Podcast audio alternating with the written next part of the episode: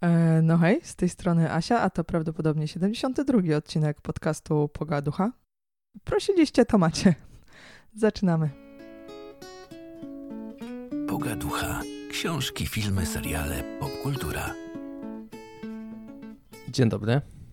E, dzień dobry Łukaszu. E, słyszycie Łukasza, więc wiecie, że jesteśmy w formacie przecinek, przerywnik. E, co będzie dalej, co się dowiecie pod koniec tego odcinka, więc jakby najpierw musicie wysłuchać wszystkiego, co mamy do powiedzenia, aby dowiedzieć się, co, co będzie dalej. Więc po prostu e, zacznijmy. Zacznijmy e, mówić o tym, e, o czym chcemy, a chcemy mówić o. Kilku rzeczach. W sumie chcemy mówić i o jakichś audiowizualnych sztukach, Muzeum dokładnie, o, o bardziej interaktywnych, o grze, o takich, y, przy których się siedzi na kanapie, serialu, y, w fotelu, książce. tak mi się wydaje, i o takim, przy którym jest się w parku nawet, o takiej rzeczy, o takiej, y, nie wiem, czy zostawimy to jako niespodziankę na koniec, czy się od razu... Ja nie wiem, czy zdążymy z tym wszystkim. Ja na pewno chcę powiedzieć o programie jednym, którego używam do wszystkiego i jest game changerem w moim życiu. E, Więc y, zacznijmy. I teraz jak to, y, jak to sprytnie zrobić, ponieważ moje wątki się łączą ze sobą i przeplatają. No dobrze, ale z tym programem możemy od niego zacząć. Y, myślę, Nie, właśnie nie. Właśnie y, najpierw opowiedzmy sobie o serialu, który zrobił na nas duże wrażenie i to jest serial The Bear, ponieważ będę używać potem tego serialu jako przykładu dla mojego programu, który jest game changerem. Y, Możemy tak zrobić? Dobrze. Mm, To jest taki serial, który oglądaliśmy już jakiś czas temu. On nie jest nowy, są dwa sezony, ale nie było nas tu przez pewien czas, więc postanowiliśmy, że o nim e, opowiemy po trosze. I w ogóle stwierdziliśmy, że raczej te rzeczy, o których będziemy mówić, one no może nie będą jakieś takie zupełnie e, stare, ale też nie będziemy szukali czegoś, co jest zupełnie świeże i nowe. Liczymy na to, że, że może po prostu przegapiliście któryś z tych e, produktów albo doświadczeń i że i tak warto o nich opowiedzieć.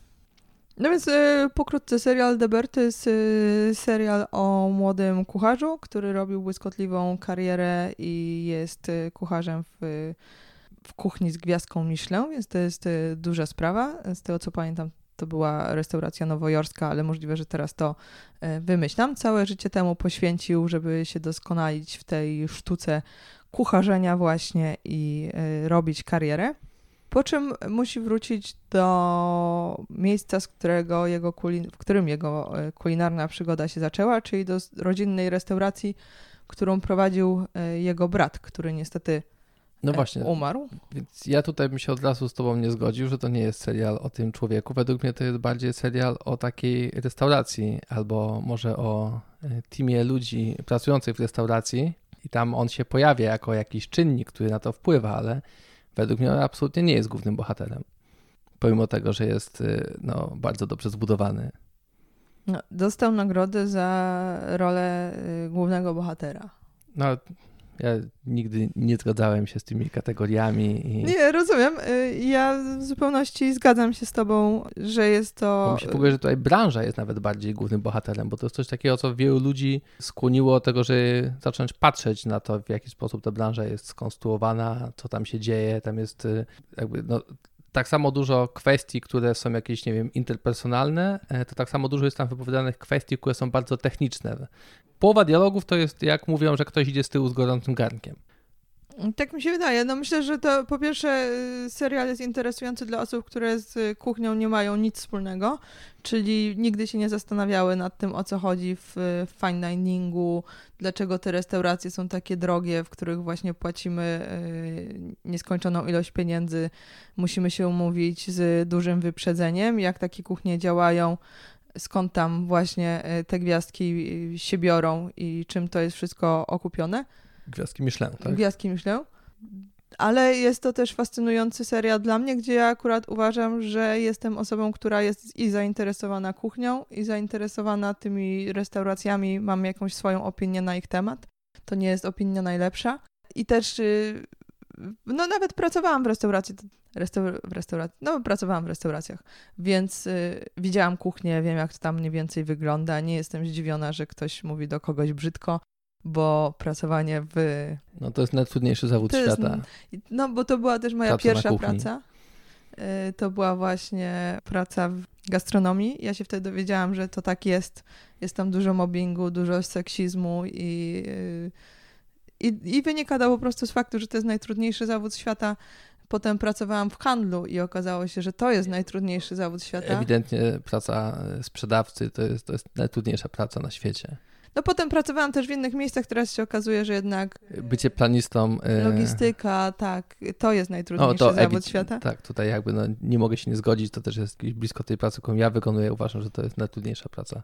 No i cóż, yy, odbie- o, odbiegliśmy od wątku przewodniego, czyli od, od serialu, ale yy, Ale mi się wydaje właśnie, że takim wątkiem e, e, głównym tego serialu jest chaos. Jest to, że jest to bardzo trudna praca, e, może najtrudniejsza e, na świecie. To jest jeden z niewielu seriali, filmów, gier, kawałków e, popkultury, które, które były w stanie przytłoczyć mnie no, ilością rzeczy, które dzieją się, dźwięków, wręcz zapachów, które czułem, bo no, cz- czasami czułem, jak się tam coś przypalało w jakimś garnku albo na, na patelni, a muszę powiedzieć, że jak byłem pierwszy raz na Transformersach, które były uważane za taki film, który zdecydowanie przestymulowuje, to wydawał mi się właśnie filmem w dobrym tempie, a tutaj e, zamiast wybuchów, szybkiej akcji, niby praca w restauracji, e, absolutnie byłem przytłoczony. Udało im się w przepiękny sposób ten, ten chaos e, no, taką pre- presję czasu, tak? O, która presja czasu. jest nałożona na kucharzy. Znaczy, ja żartuję z tego najtrudniejszy zawód świata, ale uważam, że akurat jest to dosyć, bardzo trudny zawód. Yy, Gotowanie dużo rzeczy jest do połączenia. My mieliśmy w Polsce taką falę yy, filmów, czy seriali, czy właśnie dookoła kuchni, no ale to były jakieś tam romanse z kuchnią w tle. Nie wydaje mi się, żeby to oddawało jak to naprawdę wygląda. Tu czujemy y, tą duchotę. Całość, y, tak jak mówiłam, ma miejsce w małej restauracji, do której głó- główny lub niegłówny bohater wraca.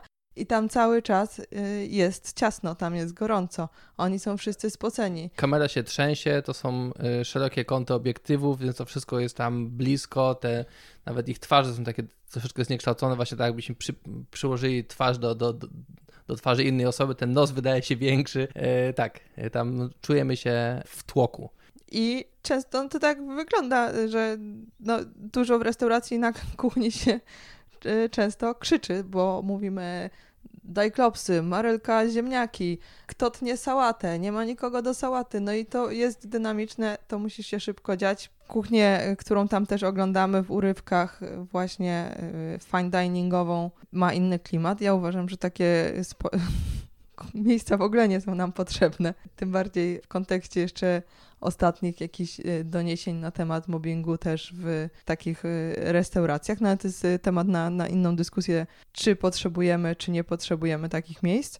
Tak, bo, bo no jak, jak my się patrzymy na to właśnie, czy jest to najtrudniejszy zawód świata. No jak porównamy to z ratownikiem medycznym, y, który robi coś bardzo ważnego, bardzo trudnego, na pewno presja jest olbrzymia, jak jest się ratownikiem. I teraz, kiedy my sobie to porównywaliśmy, no nie powinno być teoretycznie takiej presji w momencie, kiedy gotujemy, czy tam klepiemy kotleta, ale, mhm. tak, jakby to, jaką społeczeństwo wartość albo wagę przykłada do y, fine diningu, jest patologiczne z jednej strony, ale z drugiej strony, no, ta presja w tej tam jest. Ta presja jest prawdziwa. Nawet jeżeli y, jej źródło jest jakieś sztuczne, no to, to e- ewidentnie ta presja tam, tam jest i, i może nie ratujemy życia, ale czujemy się tak samo y, przytłoczeni y, tym, że, że, że nam się coś nie uda, albo strachem przed tą porażką, jak gdybyśmy ratowali życie.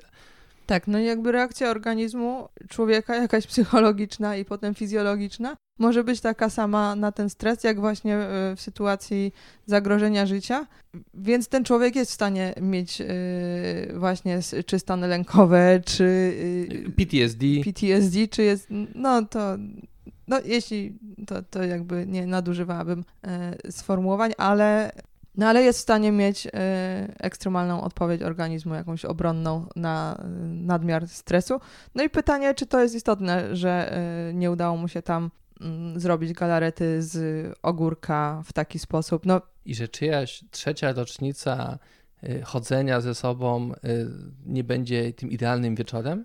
No i kapitalizm runie, bo ludzie przestaną tam przychodzić, wydawać Miłość pieniądze. runie, ty tu mówisz kapitalizm, to Nie, miłość. przestaną mieć motywację, żeby zarabiać pieniądze, bo nie będą mogli jej wydać w tej restauracji, no i w ten sposób e, każdy będzie siedział w domu, robił nic. Bo Ale- ale tak też działa świat. No też miłość też. Oni runie. też po takiej randce może myśleli, że właśnie po, na tą trzecią rocznicę spłodzą syna, a tu się okazuje, że kotlet jednak był trochę przypalony i oni wracają do domu i już nie powstaje nic innego, tylko pójść Smutek spać i- w osobnych żal. łóżkach, tak? Yy, może, może tak być, ale wydaje mi się, że to nie jest aż tak yy, potrzebne światu. Serial jest potrzebny światu, był, jest jeden z najlepszych seriali, jakie widzieliśmy w ostatnich latach. Jest pięknym studium e, pracy zespołowej, e, budowania zespołu. Możemy sobie analizować, e, ogląd- To jest taki serial, który uważam, że można obejrzeć jeszcze raz, żeby właśnie na przykład jeszcze raz przeanalizować, skupić się tylko na tych wątkach zarządzania zespołem, tego co nie tak idzie w zespole. Jest piękna bohaterka. Kobiety są w tym serialu. Jedna właśnie awansuje, stara się w tej kuchni zrobić jak najwięcej ma fajną edukację, gdzieś tam walczy z różnymi też przeciwnościami, stereotypami, tym jak y, inne osoby może traktują to, że ona dosyć szybko się wybija na tle e, reszty grupy. Jak są zarządzane te wszystkie emocje, te wszystkie spory. Piękne, piękna sprawa, piękne dialogi, piękne postaci. I absolutnie możemy transferować to y, na inne branże, czy nawet nie tylko na pracę, a na jakieś y, y, pozakomercyjne działania, którym się oddajemy. I to jest też serial po prostu o żałobie i o y, tym, jak sobie ludzie radzą z śmiercią. To jest serial też o tym, jak y, uzależnienia rozbijają rodziny i jak uzależnienia jednej osoby wpływają destrukcyjnie na jakby całą, na wszystkich dookoła, tak? Na, na, nie tylko na osobę, która sama jest w czynnym uzależnieniu. Więc wydaje mi się, że tam każdy znajdzie coś dla siebie, a no, oprawa jest mistrzowska. Y, Gra aktorska jest bardzo dobra, zresztą casting według mnie był świetny, bo ci aktorzy naprawdę, oni wyglądają tak, jak mogliby wyglądać, no może oprócz y, y, twojego głównego bohatera, przynajmniej Nie, on wygląda, on jest niski, on nie jest piękny, on chyba, jest, że zdejmie koszulkę. ale on nie ściąga tej koszulki. No to w porządku, czyli, ale tak, Bo o tym jeszcze będziemy mówić, o koszulce bo i oni o... w większości wyglądają tak, jak ludzie mogliby wyglądać. Oni, ja nie chcę powiedzieć, że tam są nieatrakcyjni, bo jak najbardziej e, są, ale nie są tak e, atrakcyjni konwencjonalnie. konwencjonalnie albo właśnie jak w jakimś Hollywoodzko. hollywoodzko, tak. Dobrze się na to patrzy, dobrze się to binge'uje. My w sumie zrobiliśmy praktycznie dwa sezony naraz, połknęliśmy. Często mówimy o tym, czy serial dobrze, że miał drugi sezon, czy dobrze, że miał trzeci sezon. Tutaj akurat ten drugi sezon według mnie bardzo pasował. Nie wiem, czy mam potrzebę trzeciego. Chyba nie. Chyba wydaje mi się, że troszeczkę już wyczerpaliśmy ten potencjał poznawania y, tych postaci. Te postaci się też pozmieniały w różnych miejscach, w różne strony. Trochę boję się, że trzeci sezon, a chyba ma być trzeci sezon, No prawdopodobnie yy, tak, ale to, to ja troszeczkę się obawiam, ale oczywiście jakby no to też trzeci sezon nie zepsuje mi dwóch pierwszych, które już widziałem. To to teraz ja bym powiedziała o programie, który zmienił moje życie i potem ty powiesz, co masz do powiedzenia yy, i ja wrócę do yy, książki, do, o której chcę powiedzieć, ponieważ yy, tak jak mówiłam na początku, te wszystkie wątki u mnie się dzisiaj będą przyplatać. Program, który ja odkryłam, jest programem do... do dobrze, mój mąż robi głupie miny. Powiedz Państwu. No dobrze, więc y, siedzieliśmy w kilku różnych programach, w których trzymaliśmy sobie notatki. I ze względu na to, że staraliśmy się razem z Zuckerbergiem y, rok 2023 uczynić y, rokiem efektywności, to przejrzeliśmy, przyjrzeliśmy się y, temu, gdzie mamy jakie subskrypcje, czy dane trzymamy w odpowiednich miejscach. I zauważyliśmy, że płacimy dużo pieniędzy za narzędzie, które było dosyć y, słabe naszym zdaniem, Evernote. I zacząłem namawiać Asię, żeby to zmienić, ale ona już y, mnie uprzedziła i zmieniła, y, przesiadła się z Evernote'a na Notion, Tak było. a ja powiedziałem, nie, no spróbuj jeszcze, tutaj jest takie, takie coś, o czym oglądałem YouTube i to jest lepsze, bo prawdopodobnie dane potem łatwiej znowu przenieść na jakieś inne miejsca, y, nie musimy płacić subskrypcji, bo możemy dane trzymać y, w jakimś tam cloudzie, który już mamy czynny i Asia pomimo oporu jednak y, weszła w to już teraz o tyle na tyle głęboko, że ja nie wiem, o czym będzie teraz dokładnie opowiadać, bo ona jest teraz super userem tego programu w naszym domu. Tak było, ale najpierw mogę opowiedzieć o problemach, które ja miałam, które chciałam rozwiązać, które no fartem rozwiązał Łukasz przez przypadek trafiając na program Obsidian. Ślepej kurze ziarno. Dokładnie.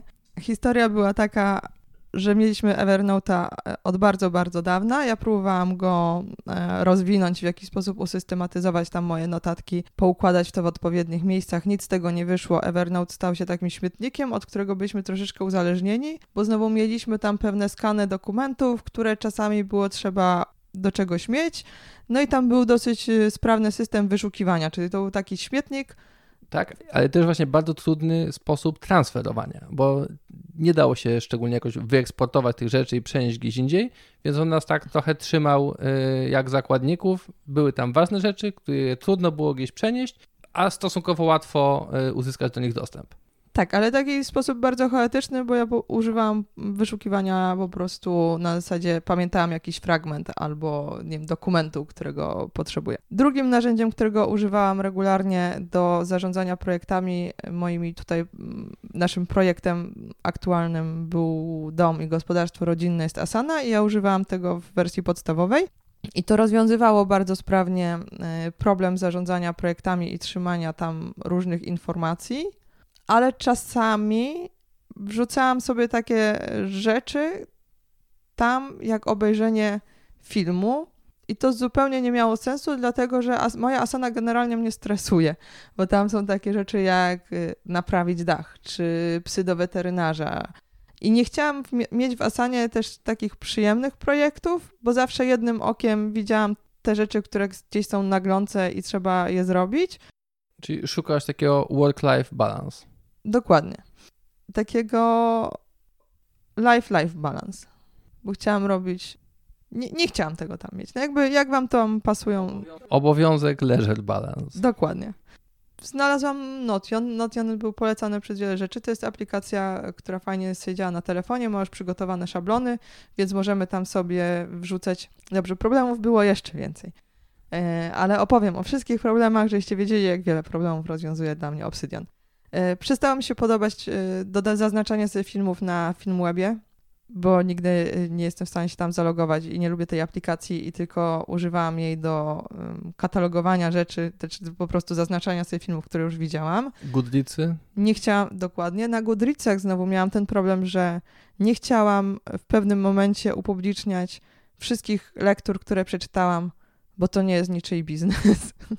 Troszeczkę i wtedy to nie miało traciło dla mnie sens, no bo teraz pytanie, czy też ta lista rzeczy, które przeczytałam na Goodreadsach, to jest jakaś taka moja wizytówka i ja teraz nie chcę czegoś tam wrzucić, to już się nie liczy jako przeczytane, no znowu to była nieprzyjemna sytuacja, lecz jakaś taka zupełnie bez sensu. Te notatki, które mogę sobie na Goodreadsach gdzieś zrobić i opublikować, no to one powinny mieć jakiś sens, bo to są e, notatki, które ja publikuję dla publiczności. Jakaś moja recenzja, a moje notatki, one nie są z, dobrze zredagowane, one są dla mnie.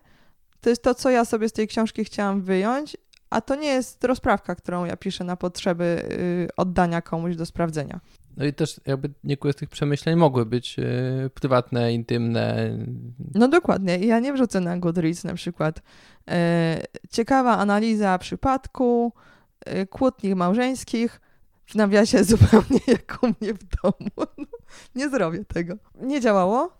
E, Notion działał fajnie, bo mamy tam różne szablony do dodawania sobie filmów, które chcemy zobaczyć, książek, które chcemy zobaczyć, miejsc, które chcemy odwiedzić, ale ja nigdy tego nie wymasterowałam do tego poziomu, w którym e, byłabym w stanie sobie to między sobą łączyć. A Obsidian właśnie... Ale i jeszcze Notion, Notion, nie wiem jak to się czyta, mm, mi się wydaje, że Notion, Notion ale mhm. Y, on też wymaga osobnej subskrypcji. Tak, Czyli to, to też są. Jest kwestia, ale ja, ja stwierdziłam, że dobrze, jak rezygnujemy z Evernote'a, będę płacić 20 zł miesięcznie za Notion. Musiałabym poświęcić dużo czasu na kustomizację tego i nie wiem po co miałabym to kustomizować. Ja nie myślę w taki sposób, który jest w, łatw. Większość ludzi nie myśli w taki sposób, który łatwo poukładać w takich e, szablonikach. I na przykład, jeśli obejrzałam sobie film, który jest na podstawie książki, to ja bym chciała jakoś się do żeby to się w jakiś sposób łączyło. I tu właśnie wchodzi sobie Obsydian. Który jest opisywany jako y, zewnętrzny mózg. często, albo zewnętrzna pamięć. Dokładnie. I Obsydian pięknie działa. E, Na początku jest, y, ja się broniłam. Obsydian też jest o tyle fajny, że on jakby te wszystkie pliki, które tam mamy, one są u nas na komputerze, więc możemy je łatwo sobie przenosić i one też nie są w chmurze. Mhm. Tak, inaczej, one mogą być w chmurze, Mhm. bo na przykład można właśnie trzymać sobie ten plik w iCloudzie, tak jak my trzymamy, ale można go trzymać w Dropboxie, można go trzymać też w ich subskrypcji, która jest całkiem niezła podobno, ale nie jesteśmy zmuszani do, do jednego z tych wyborów. Ale co jest ważne, to te pliki nie dość, że one są u nas, to na przykład jeżeli mamy pliki Worda albo Excela i Microsoft w jakiś sposób, nie wiem, znika i za 20 lat my odnajdujemy te pliki, to trudno jest je otworzyć, zaszyfrować. A te pliki, które trzyma Obsidian, e, to są pliki tekstowe, to są zwykłe, najprostsze TXT, czy tam markup, tak naprawdę to są zwykłe pliki tekstowe, które otworzy każdy na każdym komputerze. Proste do naprawienia też, jeżeli nawet, jeżeli pół pliku nam gdzieś zniknie, powiedzmy przegrywamy plik i tylko pół pliku się przegra, to tak naprawdę pół pliku dalej da się otworzyć. E, więc to jest y, według mnie bardzo duża zaleta, że to jest takie bardziej odporne na y, to, że jakaś firma zbankrutuje, to, że gdzieś y, skończy nam się właśnie nie, subskrypcja, daje to taką dużą niezależność. Jak to działa? Działa tak, jak mamy ochotę i trochę trudno jest, y, może być na początku, zacząć korzystać z wszystkiego, co ten program nam daje, ponieważ musimy mieć pewną masę notatek, które sobie utworzymy. Możemy korzystać z Obsidiana tylko i wyłącznie jako do tworzenia naszego pamiętnika, czyli możemy sobie codziennie robić daily note i codziennie zapisywać po prostu jakieś proste przemyślenia, podsumowanie dnia. Możemy dodawać tam y, dodatkowe pliki, możemy robić notatki na każdy dowolny temat i te notatki zaczynamy między sobą łączyć, czyli linkować. Jak to będzie wyglądało w moim przypadku w, na przykładzie serialu Deber? Y, Zaraz y, mogę Wam po prostu o tym powiedzieć, ponieważ do Obsydiana możemy też go sobie rozbudowywać. Tam jest bardzo duża społeczność osób, które tworzą pewne szablony. Tam możemy sobie też pisać kod prosty, który nam będzie dane zaciągał z jednego pliku do drugiego pliku. Y, Możemy tworzyć tabele, czyli możemy robić takie proste sobie własne skrypty. I właśnie kwerendy bazodanowe do tych danych z tabeli e, możemy używać skryptów pisanych przez innych ludzi, które są gdzieś tam publikowane open source'owo, więc tam jest pełno pluginów, które są częściowo wspierane przez y, tych y, głównych deweloperów, a częściowo przez y, community. Dokładnie. I czy to jest trudne?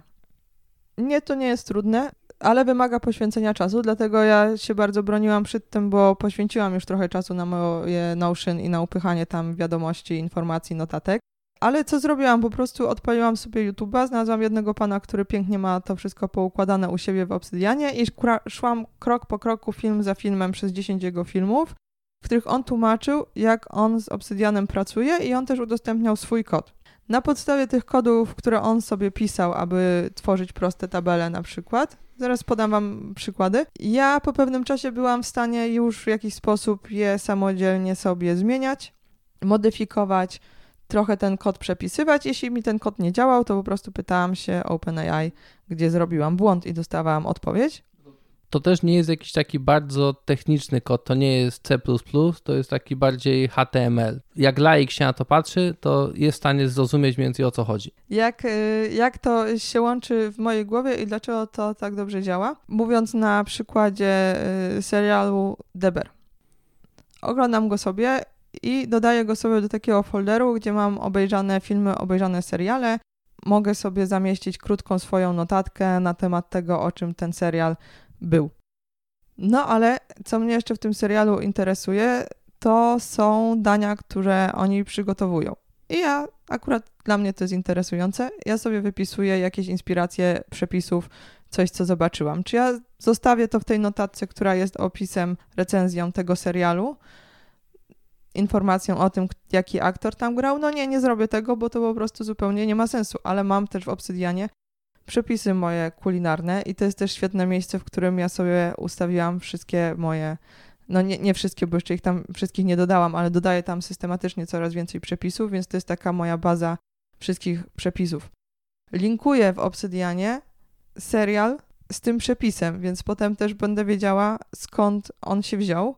Ale to jest też taki sposób, w jaki nasz mózg zazwyczaj działa. Te rzeczy się nam skądś biorą. Też mamy listę zakupów w Obsydianie. Czasami ja tam dodaję sobie rzeczy, które chciałabym mieć, a nie mam. Y, ale równocześnie nie chciałabym ich od razu kupować. No, chociażby dlatego, że chciałabym się nad nimi y, zastanowić. I jakiś czas temu zastanawialiśmy się nad naszą szafą i zamawialiśmy dużo białych t-shirtów, bo Łukasz y, sobie robi taką capsule wardrobe z białymi t-shirtami i zamawiał je z różnych firm, nie ze wszystkich był zadowolony. A znalazłam interesujący artykuł o białych t-shirtach, które nosi główny bohater tego serialu, czy też nie główny bohater. Nieważne, to nie jest i on, i tam naprawdę on y, w wielu scenach występował w białych t-shirtach, to były interesujące marki, te t-shirty były tkane w interesujący sposób. Czy to jest niezbędne, żebym ja trzymała te informacje w tym pliku dokładnie z opisem serialu? No właśnie nie wiedziałabym, gdzie ją mam dać, a równocześnie chciałabym, żeby te informacje się linkowały, bo kiedy trafię na moją listę zakupów i zobaczę biały t-shirt taki a taki, to chcę wiedzieć, skąd mi się to wzięło. Mam też całą listę książek kucharskich, które pojawiały się w tym serialu i chciałam się dowiedzieć, czy one są interesujące, czy warto je zamawiać. To jest oddzielny folder, to są znowu książki do przeczytania, czy po prostu tworzę sobie notatkę, w której te książki mam wypisane. W mojej głowie to się łączy, czy dla kogoś innego ma to sens niekoniecznie, ale w taki sposób działa Obsydian, że możemy mieć tam wszystko. W jaki sposób e, właśnie odnośnie tego filtrowania? Jak to działa, że no bo co mam sobie po prostu dodawać książki do, no to jak mam zobaczyć, jak je oceniam, albo czy jaka to jest kategoria książki. Do tego wszystkiego też po prostu użyłam jakiegoś szablonu. Który pozwala tworzyć metadane.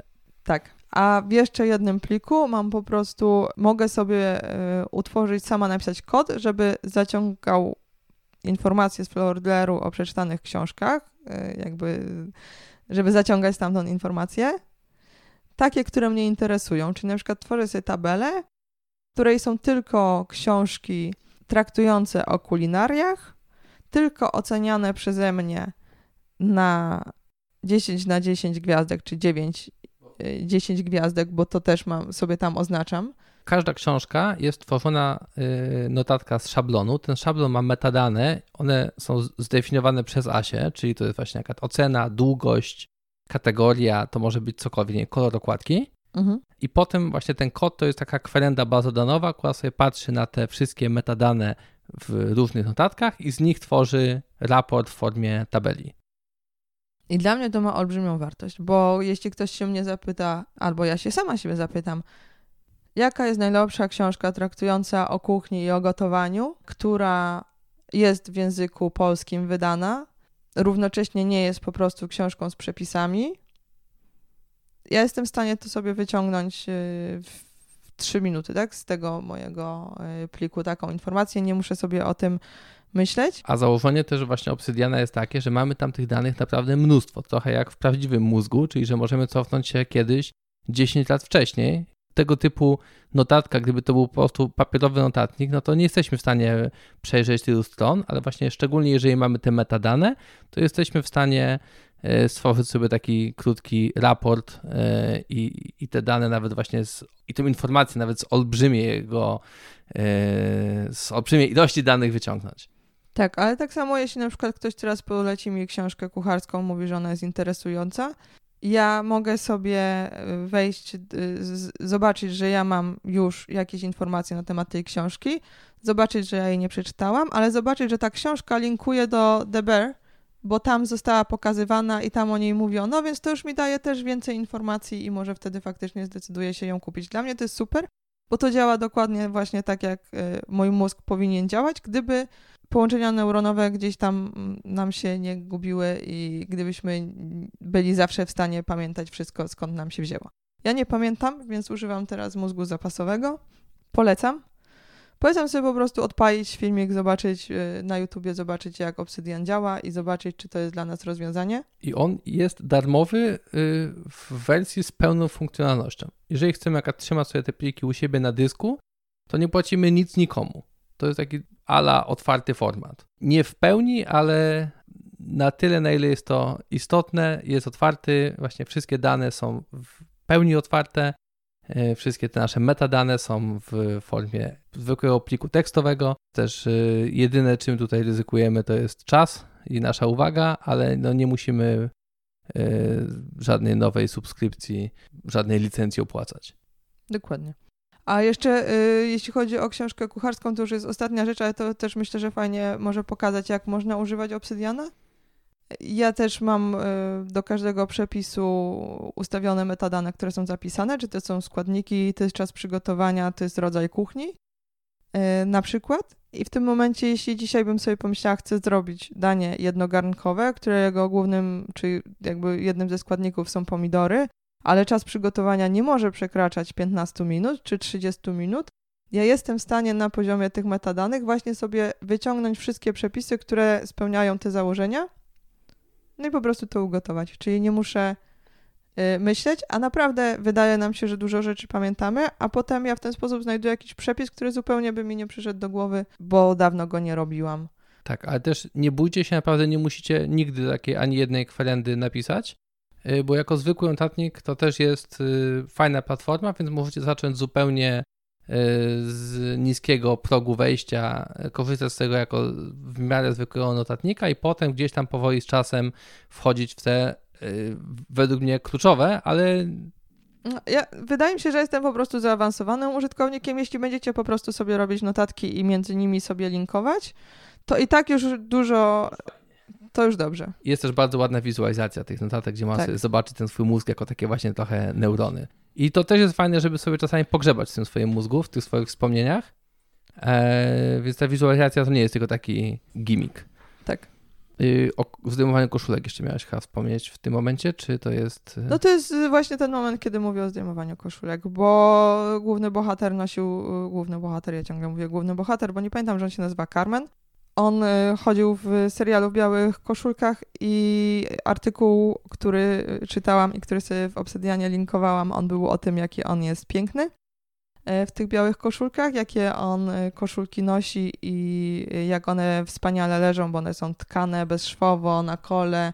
Kilka dni temu wyszła reklama Calvina Kleina właśnie z naszym wspaniałym aktorem, który biega tam w majtkach i e, na Tylko początku ściąga właśnie t-shirt jak zobaczymy, jak on jest pięknie zbudowany, to wydaje mi się, że t-shirt z Primarka też będzie robił robotę. Czy worek kartofli z wyciętą dziurą na głowę i ręce. Tak myślę. Więc to może być kluczem do tego, jak dobrze t-shirty wyglądają w serialu Deber. Nie to, y, z jak, y, jak, były jak tkane... tkane, dziane, cokolwiek się z nimi y, działo w procesie produkcji. I to się wszystko u mnie w głowie łączy w piękną całość i to też się łączy w moim obsydianie w całość. Po okresowym, trochę dłuższym y, spadkiem zainteresowania y, grami wideo. W zeszłym roku y, znowu odkryłem nową platformę Handheld PC. O tym nie chcę mówić, ale razem z tą nową platformą kilka starych gier postanowiłem przejść. I jedną z tych gier właśnie jest Undertale. Gra wydana pierwszy raz w 2015 roku na PC i MacBooki i potem sukcesywnie wydawana na coraz to kolejne platformy. W tej chwili praktycznie da się w nią grać e, na wszystkim. I to jest o tyle interesująca gra, że ona ma olbrzymią. Ona była uważana za jedną z takich najbardziej kultowych gier wszechczasów. Jest to niezbyt duża gra, nie jest to cała franczyza. E, nie jest podłączona pod jakąś e, inną franczyzę, pod jakieś IP, jak nie wiem, Gwiezdne Wojny czy, czy Marvela. E, więc to jest y, produkt oryginalny, ale inspirowany grami innymi z przeszłości.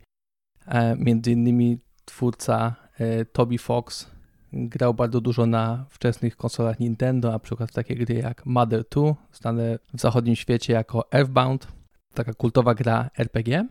No i on postanowił zrobić swoją. To jest taka gra indie, niezależna, twórca y, korzystał tylko z pomocy kilku osób. Y, najbardziej chyba istotną osobą była Temi Chang, która zaprojektowała mu większość grafiki. Sukces tej gry spowodował też to, że w tej chwili się o tej grze y, olbrzymi sukces, przytłaczający sukces spowodował to, że nie mówi się o niej teraz aż tak dużo, bo fani, którzy tacy die hard fani, tacy fanatycy, troszeczkę w nieprzyjemny sposób zdominowali narrację na temat tej gry. Więc jeżeli ktoś próbował streamować tą grę, to oni często atakowali graczy, którzy, czy twórców, którzy ją streamowali, e, jeżeli ci nie grali w taki sposób, w jaki większość fandomu uważa, że powinno się grać tą grę. W tej chwili e, często, jeżeli będziemy szukali jakichś informacji o tej grze, one mogą nie być aż takie pochlebne, ale tu nie chodzi o grę, tu chodzi o jej odbiorców. Ale z czegoś to wynika, że oni są w taki sposób nastawieni, że, że to jest jakiś specyficzny typ odbiorcy? Mi się wydaje, że tak na, naprawdę jest bardzo ważna. Nie zastanawiałem się tak bardzo, dlaczego się stało to, co się stało, ale sama gra bardzo mocno bawi się. Właśnie gra wydaje mi się, że się bawi, a, a niektórzy może wzięli to zbyt na poważnie. Kwestią wyborów, między innymi wyborów w grach, yy, konsekwencji, łącznie z tym, że nawet my tu będziemy troszeczkę spoilerować, to jest stara gra mhm. i według mnie to też aż tak bardzo może nie szkodzi, ale tam na przykład y, w tej grze jakby niektóre postaci są świadome tego, że to jest gra. Niektóre postaci są świadome tego, że zrobiliśmy save'a, a potem wczytaliśmy grę, żeby sprawdzić, y, co się stanie, jeżeli inaczej się zachowamy. I czasami też nas oceniają za takie, powiedzmy, y, na przykład okrutne wybory. Mówią, o, nie myśl sobie, że to zostało zapomniane. Ja wiem, co, co zrobiłeś i teraz możesz być dobry, ale przed tym, jak y, wczytałeś grę, zrobiłeś coś naprawdę paskudnego. Więc to jest gra, y, która jest też taką troszeczkę metagrą. Sama prezentacja gry jest bardzo prosta, przez to, że robiła to jednoosobowa drużyna, ekipa, czy tam kilkuosobowa. To grafika jest stosunkowo prosta, ale urocza. Y, sam gameplay, tam są głównie dialogi i taki dosyć prosty zręcznościowy element, który nawiązuje do gier typu Bullet Hell, gdzie jest się na przykład małym samolocikiem, a dookoła jest pełno innych samolocików, które wystrzeliwują mnóstwo pocisków, musimy ich unikać, strzelać do nich. Więc jest to ciekawe połączenie gry RPG, no właśnie z takim Bullet Hell. Żeby tylko tak bardzo krótko podsumować, bo ja trochę opowiadałem o kontrowersjach, o rzeczach dookoła. Sama gra kilka godzin rozrywki, tak naprawdę, ona nie jest zbyt długa. Y, dla ludzi, którzy bardzo mało grają albo chcieliby zagrać, a w ogóle nie są graczami, trochę niestety nie polecam, bo te elementy bullet hell mogą być zbyt y, trudne. Jest szansa, że się sfrustrujecie i przez nią nie przejdziecie, ale jeżeli macie jakiekolwiek doświadczenie z grami wideo, no to, to jak najbardziej. E, no jest to unikatowe e, doświadczenie. Jedna według mnie z najbardziej istotnych gier e, wydanych od początku gier. Toby Fox pracuje nad kolejnym projektem, który nazywa się Deltarune. Na razie wydał y, jakby dwa epizody tego nowego projektu, więc gra jeszcze nie jest skończona. Ja jeszcze jej nie ruszałem, ale jest w trochę podobnym klimacie e, i na pewno jak zostanie ukończona, to, to z przyjemnością do niej usiądę. Mhm. E, dziękujemy Ci, Łukaszu, za Twój. E, ja nie zadawałam Ci za dużo pytań, bo po pierwsze już słuchałam na ten temat od Ciebie, więc coś tam wiem, a po drugie myślę, że. E, ale właśnie może z takim e, temat aktywnym słuchaniem może byłoby troszeczkę łatwiej. No wiem, ale jakieś naprawdę... ciekawe rzeczy opowiedzieć. Tak trochę przyznam, że jak słuchałem swojego e, głosu, to e, się trochę znudziłem tym opowiadaniem. E, postaramy się trochę teraz rozruszać przy, przy książce. Tak to jest. Warunki mamy trudne, bo nasi słuchacze nie wiedzą, że mamy nowe dziecko i to jest teraz nasze ultimate usprawiedliwienie wszystkiego. Ja będę mówić teraz o książce Następny, następnym razem będzie więcej takich książek, może y, bardziej artystycznych, może bardziej powieści, może ruszymy coś takiego literacko pięknego, chociaż uważam, że ta książka, o której teraz będę mówić, jest piękna e, literacko, że jest perfekcyjnie napisana, bo ona e, właśnie o tym jest. Ta książka też się łączy z właśnie z Obsydianem, o którym mówiłam, więc dlatego chcę dzisiaj o niej opowiedzieć. To jest książka, którą najbardziej cenię z książek, które przeczytałam czytałam w ostatnim czasie. To jest książka, o której ja już wielokrotnie słyszałam, ale myślałam, że troszeczkę oszukam, bo to jest taka książka How to Make Smart Notes i że pójdę na skróty. I jeśli ktoś mi o niej opowie, albo ja sobie zobaczę na YouTubie informacje o tym, e, o czym ta książka jest, to mi to w zupełności wystarczy, no bo po prostu wyciągnę esencję z tej książki. Z tej książki nie ma sensu wyciągnąć esencji, ponieważ ona jest napisana przez człowieka, który jest specjalistą.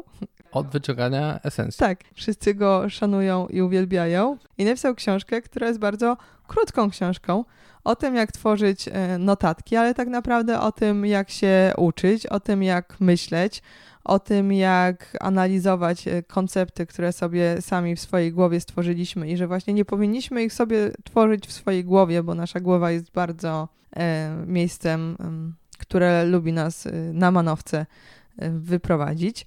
I dlatego właśnie warto przeczytać książkę. No bo jeśli chcemy po prostu technikę, czyli wiedzieć tak w skrócie o co chodzi, to jest, no to możemy powiedzieć, że autor wymyślił taki system, wtedy jeszcze nie było y, komputerów, obsydianów i tak dalej, więc to był y, system y, papierowy, ale system, który polega na tym, że jeśli czytamy książkę, powinniśmy sobie z tej książki owszem zaznaczyć jakieś interesujące cytaty, ale my tych cytatów nie powinniśmy przepisywać sobie gdzieś tam na karteczkę i, i po prostu ich mieć, tylko ewentualnie je sobie sparafrazujmy, dodajmy sobie do tego jakieś własne myśli i przemyślenia i stwórzmy oddzielną notatkę do każdego pomysłu czy idei, nad którą pracujemy.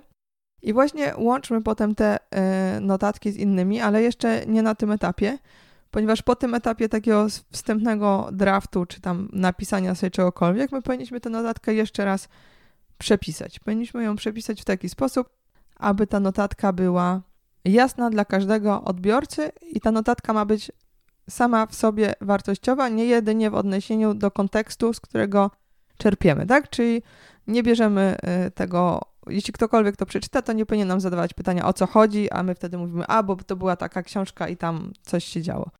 No i w ten sposób my po pierwsze y, pamiętamy, więc to jest forma uczenia się, ponieważ my musimy tę mość sobie własno, y, własno osobiście, piękne słowo wymyśliłam, własno osobiście przetworzyć, potem, mając bazę tych wszystkich naszych myśli, przemyśleń, notatek, możemy ich właśnie używać w innych kontekstach, czyli one nam się będą między sobą łączyć. To jest świetne, jeśli pracujemy naukowo, ale uważam, że jest to też świetne, jeśli po prostu chcemy się uczyć, chcemy się rozwijać, albo myślimy na jakiś temat i faktycznie z każdej książki wyciągamy jakieś wnioski, no a w większości powinniśmy takie uproszczenie tego tematu, które ja teraz stworzyłam, jest ekstremalnie upraszczające.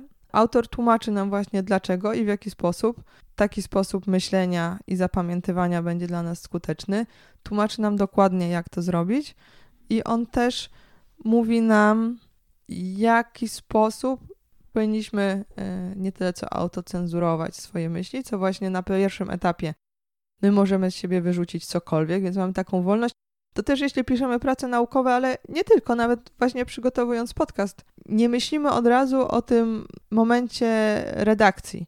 Nie myślimy o tym, że to wszystko powinno się łączyć w jakąś całość, nie myślimy sobie o strukturze tego końcowego tekstu, tylko na, mo na moment sporządzania notatki z jakichś idei zawartych w tej książce. Ja myślę tylko o tym. Potem, kiedy właśnie tę notatkę będę sobie przepisywać, może się okazać, że to, co napisałam, zupełnie nie ma sensu. I to jest bardzo cenne, bo często sobie coś myślimy w głowie, a ta myśl w naszej głowie nie podlega takiemu kolejnemu. Już jesteśmy, my bardzo szybko staramy się być zadowoleni z własnej myśli i bardzo łatwo szukamy potwierdzeń dla naszej myśli.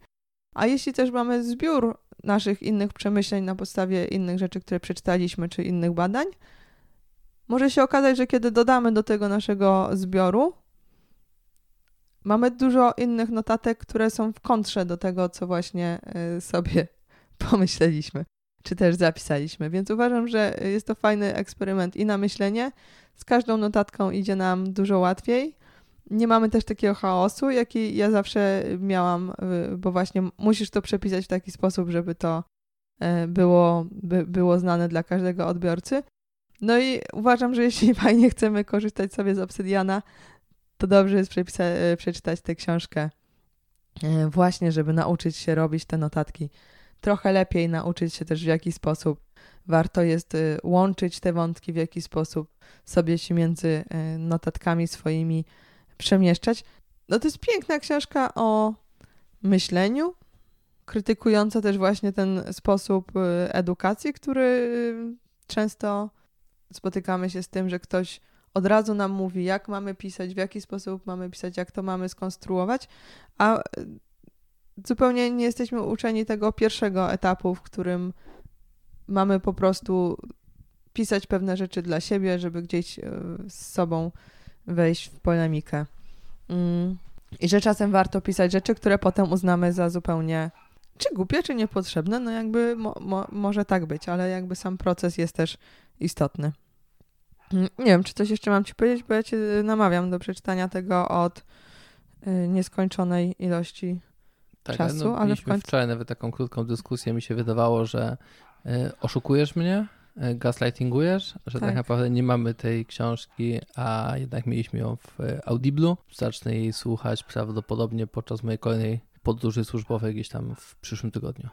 Ja chyba powiedziałam wszystko, co, co chciałam na ten temat powiedzieć. Nie będę e, rozwijać e, tematu. Chcieliśmy opowiedzieć jeszcze o parkranach na koniec, żeby mieć taki zupełnie inny temat. O muzeum opowiem wam innym razem, bo to nawet nie było tak fascynujące muzeum, żeby, żeby dużo o nim, e, o nim gadać. Ale e, parkrany to jest rzecz, którą odkryliśmy tutaj w Holandii, więc może powiesz jeszcze coś na ten temat? Teraz tak zastanawiałem, bo wydaje mi się, że gdzieś coś wcześniej o tym czytałem, ale na pewno nie uczestniczyłem. A więc to jest y, z tego, co sami organizatorzy parkranu mówią, y, największy event biegowy na świecie. Chyba dosyć łatwo jest w to uwierzyć. To jest seria e, takich właśnie wydarzeń, które odbywają się w soboty, czasu lokalnego o godzinie 9 w bardzo wielu krajach na świecie. Sam pomysł, powiedzmy, organizacja przyszła, czy rozlała się po świecie z Wielkiej Brytanii. E, sponsorem głównym, chyba jedynym jest firma Brooks, która robi bardzo dobre biegowe buty.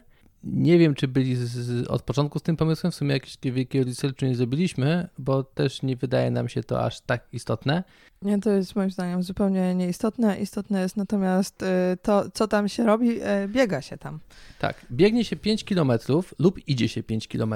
Trasy są poprowadzone w parkach, więc w Polsce też y, możecie na pewno w Gdańsku, w Warszawie, dosyć dużo jest chyba tych, tych parkranów, w Gdyni organizowanych. W Holandii też jest bardzo dużo, my chyba naliczyliśmy więcej niż 20. W Wielkiej Brytanii jest ich jeszcze więcej, dosyć dużo w Niemczech, nie pamiętam w, którym, w jakich krajach jest najwięcej, ale, ale są do, dostępne w bardzo wielu miejscach. E, formuła jest bardzo fajna, bo e, jest mierzony profesjonalnie czas. E, ten czas jest potem też zapisywany na stronie internetowej, więc możecie sobie bić swoje rekordy życiowe albo nie.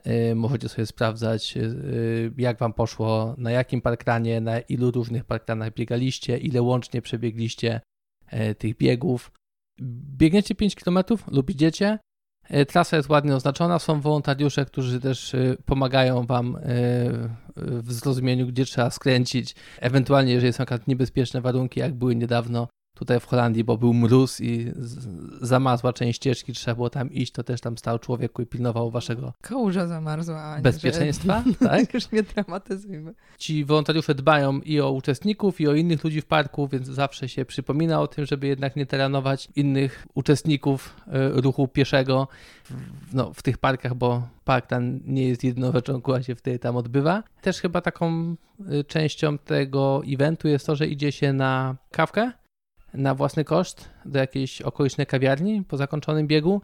I to jest też fajne, może żeby poznać jakichś ludzi, e, szczególnie właśnie jak jest się ekspatem e, albo imigrantem i przyjeżdża się do jakiegoś nowego miejsca.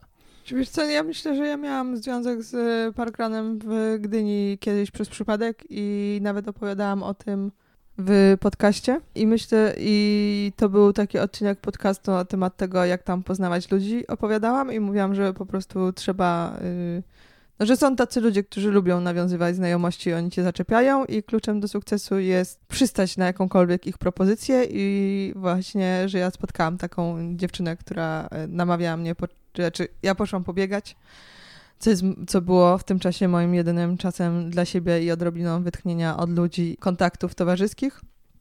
E, I właśnie spotkałam ludzi biegających, którzy próbowali mnie namówić do tego, że to jest fantastyczna sprawa, że oni wszyscy razem biegają i co sobotę i można e, pogadać i jest fantastyczna zabawa. Ja wtedy powiedziałam, że ja dziękuję, bo to jest właśnie to, od czego uciekam biegnąc. Zabawę to ja mam w domu. Dokładnie. Yy, no, że dziękuję yy, za ofertę przyjaźni, aczkolwiek. Nie tym razem. Nie tym razem. Yy, no, no tak, tak było, a teraz akurat potrzebujemy troszeczkę kontaktów towarzyskich na emigracji i to, że jesteśmy w stanie tam właśnie się spotkać z ludźmi, którzy też w dużej części są ekspatami, pójść sobie z nimi na kawę, gdzieś porozmawiać, to jest dla nas cenna rzecz. To jest właśnie chyba bardzo fajne, żeby się y, wziąć za siebie. Mamy jednego kolegę, który zaczął biegać i właśnie teraz sobie chodzi regularnie na te parkrany. y, I to też jest miłe zobaczyć, y, w jaki sposób te jego czasy się poprawiają i, i on coraz sprawniej się porusza. Myślę, że ta, ten sportowy element jest też E, istotny. Jest istotny, a że on nie mówi po polsku, to możemy śmiało mu tutaj y, powiedzieć na głoś, że no jego poziom startowy był słaby. E, Więc to nie jest tak, że trzeba w ogóle być w jakikolwiek Tak, tak, sposób. On, on y, sobie tak. ledwo, nie, on nie przebiegał tych 5 km, więc on musiał iść część cza- y, trasy, potem kawałek podbiec, No, ja byłam trzy miesiące po ciąży i no jakby biegłam lepiej. a, Znaczy, on, po- a on jest po- jeszcze o 10 lat młodszy. No, tyle to nie, ale jest młodszy, no. Yy, więc to nie, i to nie chodzi o to, że ja byłam w wyśmienitej formie yy, po porodzie. Yy, nie. No, ale, ale grunt że właśnie można też być takim e, flaczkiem e, i można tam pójść biegać. Można być kimś z bardzo dużymi aspiracjami. Tam też są ludzie z dobrym czasem, więc jak chcecie się pościgać, e, to, to jak najbardziej możecie. Są tam czasami bardzo, bardzo wyborni biegacze. Tak, to też nie będzie tak, że jeśli jesteście nieźli w bieganie, to zawsze będziecie pierwsi i Nie, nie, będziecie mieli yy, z kim się bawić. Jakby każdy znajdzie swój kawałek piaskownicy. No i no, no, na pewno to nam pomaga, bo my mamy tak zawsze wpisane, o ile nie mamy obowiązków, to żeby w tę sobotę jednak wstać, wstać rano, pójść na ten parkrun. Tak, i często nawet jak jest kiepska pogoda, to jednak tu jest jakiś powód, żeby potem sobie wypić z nimi tą kawę, pogadać. I wtedy też już w tygodniu czasami y, łatwiej jest się zebrać, żeby się ruszyć, no bo jednak chcesz. No, nie jest przyjemnie, jeśli stoisz y, w miejscu, ale to też nie jest tak, że, że nie możesz. No jakby to samo z ciebie Tak jest. wychodzi. Y, No i też co jest fajnego, y, można uprawiać to- odrobinę takiej turystyki parktanowej. Przez to, że tych eventów jest dużo w różnych miejscach, y, to fajnie sobie czasami zobaczyć nową trasę, inną trasę, poznać tych innych ludzi, którzy biegają niekoniecznie w naszym miasteczku, ale tam, gdzie jedziemy na wakacje, czy, czy gdzie jesteśmy na, no może nie na wyjeździe służbowym, bo to jest zawsze w soboty, ale no też się gdzieś tam zdarzało, jak, jak, jak miałem dłuższy wyjazd, gdzie y, musiałem zahaczyć o weekend, to też starałem się szukać takiego parkrunu na miejscu. Tak. No to mi się wydaje, że jest super właśnie, że gdziekolwiek jesteśmy w sobotę, to tam też staramy się y, pobiec. Teraz biegamy też z wózkiem, bo mamy wózek y, dla dziecka y, taki, w którym może już sobie biega. On nie może biegać, ale może sobie siedzieć, a my możemy biec i to jest bezpieczne w przeciwieństwie do biegania z gondolką. To jest też taki bieg, na którym no, te czasy jednak dla ciebie nie są aż tak istotne, więc swobodnie sobie biegamy z wózkiem. No bo czasami chodzimy na takie zawody, na których nam zależy na tym, żeby mieć dobry czas i żeby mieć fajny medal. Yy, No to wtedy wiadomo, yy, albo po prostu nie jest wygodnie biec z wózkiem, bo jednak ludzie tam naprawdę, no nie, nie chcemy komuś zajeżdżać drogi tym wózkiem, a tutaj jest Tu jest zwykle nie aż tak wielu uczestników, więc łatwo wystartować sobie na końcu, a nie czekać na ten start 15 minut. Tak, i się nikomu mocno nie przeszkadza. Wspaniała zabawa dla całej rodziny. Nie wiem, co jeszcze yy, moglibyśmy powiedzieć, więc yy, Czy ty chciałaś coś powiedzieć o tym, co będziemy dalej robić z podcastem, czy... Yy, Nie wiem, co będziemy robić. Yy, Znaczy, wiem, yy, pytaliście na Instagramie dużo. O, gdzie pogaducha, gdzie pogaducha, bo raptem minęły mm, było 5 lat, 4 lata od ostatniego odcinka. No i z podcastem na razie sobie nagrywamy przecinki, przerywniki. Ja mówiłam już, że nie będzie formatu, kim zostanę, jak dorosnę. I nie będzie tego formatu, bo mnie to już aż tak bardzo nie interesuje, bo ja już e, wiem, kim zostanę, jak dorosnę, a to była moja własna droga i moje własne poszukiwanie, no więc jakby nie będę na potrzeby kogoś innego. Nie sprzedasz się. Nie sprzedam się. Nie, no myślę, że y, też mieliście czas, żeby już poszukać sobie odpowiedzi na to pytanie, a ale na pewno będzie inny format, y, który bardzo bym chciała wprowadzić i y, po prostu zajmie to czas. I jak przyjdzie na to y, czas, to będziemy sobie o tym rozmawiać. Może sobie, jak będziemy mieli chwilkę w następnym y, przecinku, przerywniku, gdzieś już zaczniemy iść w kierunku tematu. Co, co to się będzie y, działo? My też za- zauważyliśmy, że dla nas samych czasami odsłuchanie sobie jakiegoś starego odcinka spowodowało, że e, jakieś wspomnienia sobie obudziliśmy, więc też tutaj odrobinkę ostrzegam może, że z tego powodu będziemy mówili często o y, różnych rzeczach i wydarzeniach z odrobinę takiej szerszej perspektywy, nie tylko książki, filmy, bo troszeczkę chcemy też z tego podcastu zrobić sobie taki osobisty, prywatny, publiczny pamiętnik.